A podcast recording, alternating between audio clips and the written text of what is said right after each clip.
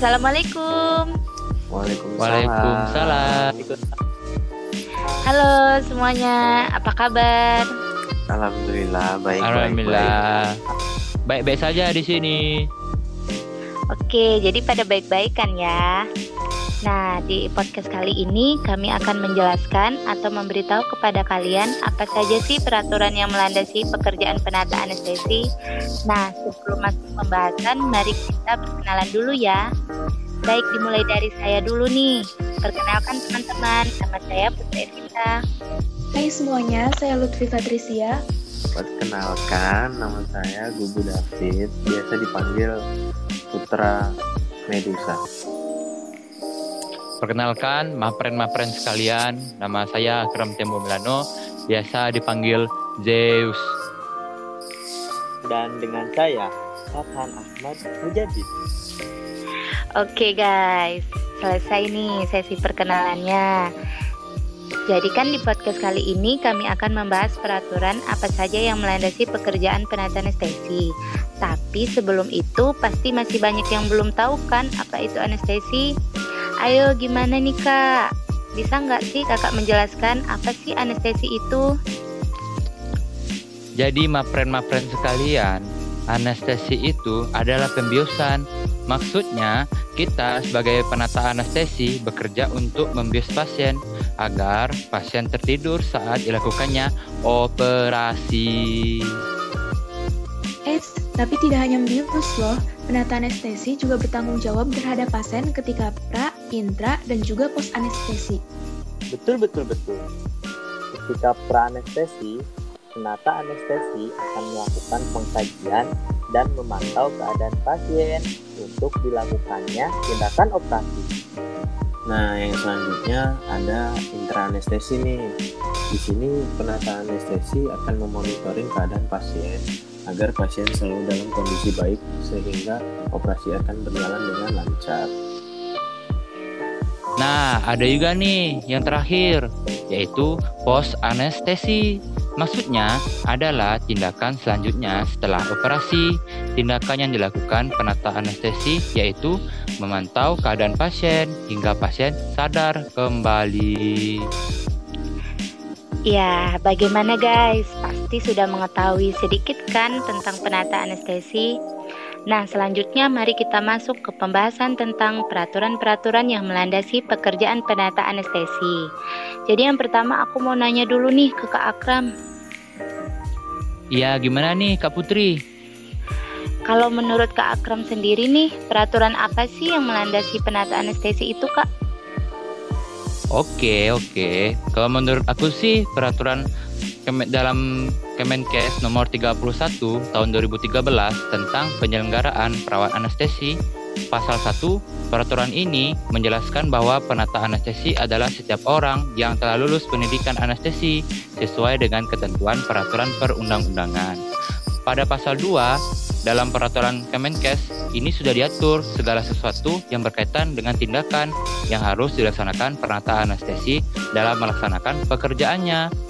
Kemudian, pada pasal 3 dijelaskan juga tindakan anestesi yaitu tindakan medis yang dapat dilakukan secara tim oleh tenaga kesehatan yang memenuhi keahlian dan kewenangan. Apa aja sih tindakan tersebut?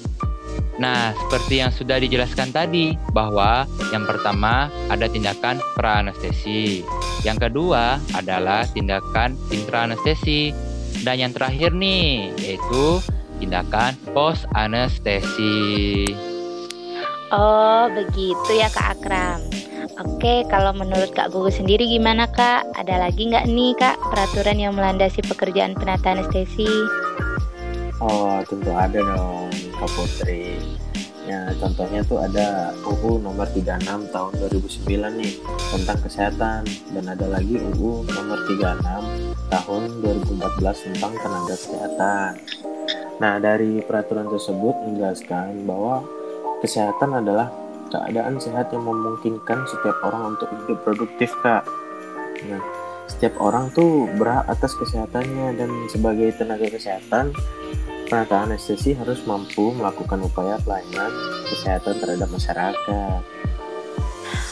Wah, iya. Jadi kita sebagai penata anestesi harus mengutamakan kesehatan pasien ya, Kak ya? Iya dong kak, sebagai tenaga kesehatan kita harus memprioritaskan pasien kak. Oh, oke Kak. Kalau begitu aku mau nanya nih ke Kak Fatan.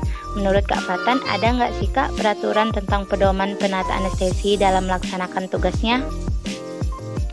Tentu saja ada. Ini nih, yaitu di Permenkes nomor 519 tahun 2011 tentang pedoman penyelenggaraan pelayanan anestesiologi dan terapi intensif di rumah sakit. Nah, di peraturan ini menjelaskan pedoman-pedoman dalam melaksanakan praktik anestesi. Sebagai penata anestesi, kita harus menjadikan pedoman tersebut sebagai acuan dalam pelaksanaan upaya kesehatan. Biar apa sih? Nah, biar terhindar dari hal-hal yang tidak diinginkan. Uh, kalau boleh tahu, contoh pedomannya itu seperti apa ya Kak? Uh, contohnya itu pedoman ketika melakukan tindakan anestesi ke pasien seperti bagaimana sih cara tindakan pra, intra, pos anestesi uh, itu menggunakan apa namanya baik yang benar sehingga pasien terhindar dari hal-hal yang tidak diinginkan. Oh iya, ternyata begitu ya kak ya. Terima kasih ya kak Fatan. Sama-sama. Oke, selanjutnya nih, kalau ke Kak Lutfi sendiri, uh, gimana Kak? Ada lagi nggak peraturan yang melandasi pekerjaan penata anestesi Kak? Nah, selain itu ada juga Permen Pan RB nomor 11 tahun 2017 tentang jabatan fungsional penata anestesi. Peraturan ini menjelaskan bahwa penata anestesi dapat menjabat sebagai pegawai negeri sipil atau PNS dan harus siap untuk ditempatkan di seluruh wilayah di Indonesia. Selain dalam bidang sipil, pemerintah juga mengatasi kekurangan tenaga penata anestesi melalui rekrutmen penata anestesi sebagai personil TNI yang mana dapat ditempatkan pada berbagai wilayah di Indonesia. Jadi dengan adanya peraturan tersebut, maka akan terwujudnya upaya meratakan penata anestesi di seluruh Indonesia ya, terutama di tempat-tempat terpencil. Iya tidak sih? Nah ini nih, saya suka nih. Benar sekali Kak Putri. Terima kasih ya Kak Akram. Oh tentu, sama-sama Kak. Jadi guys, kesimpulan dari pembahasan kali ini yaitu sebagai penata anestesi kita memiliki peraturan yang mendasari dalam melakukan pekerjaan kita. Peraturan-peraturan tersebut harus kita patuhi dan jadikan pedoman dalam melakukan praktik anestesi sehingga kita dapat menjalani praktik anestesi dengan baik dan dapat bermanfaat bagi masyarakat. Nah, gimana guys? Cukup jelas bukan penjelasan singkat dari kami tentang peraturan-peraturan yang melandasi pekerjaan anestesi.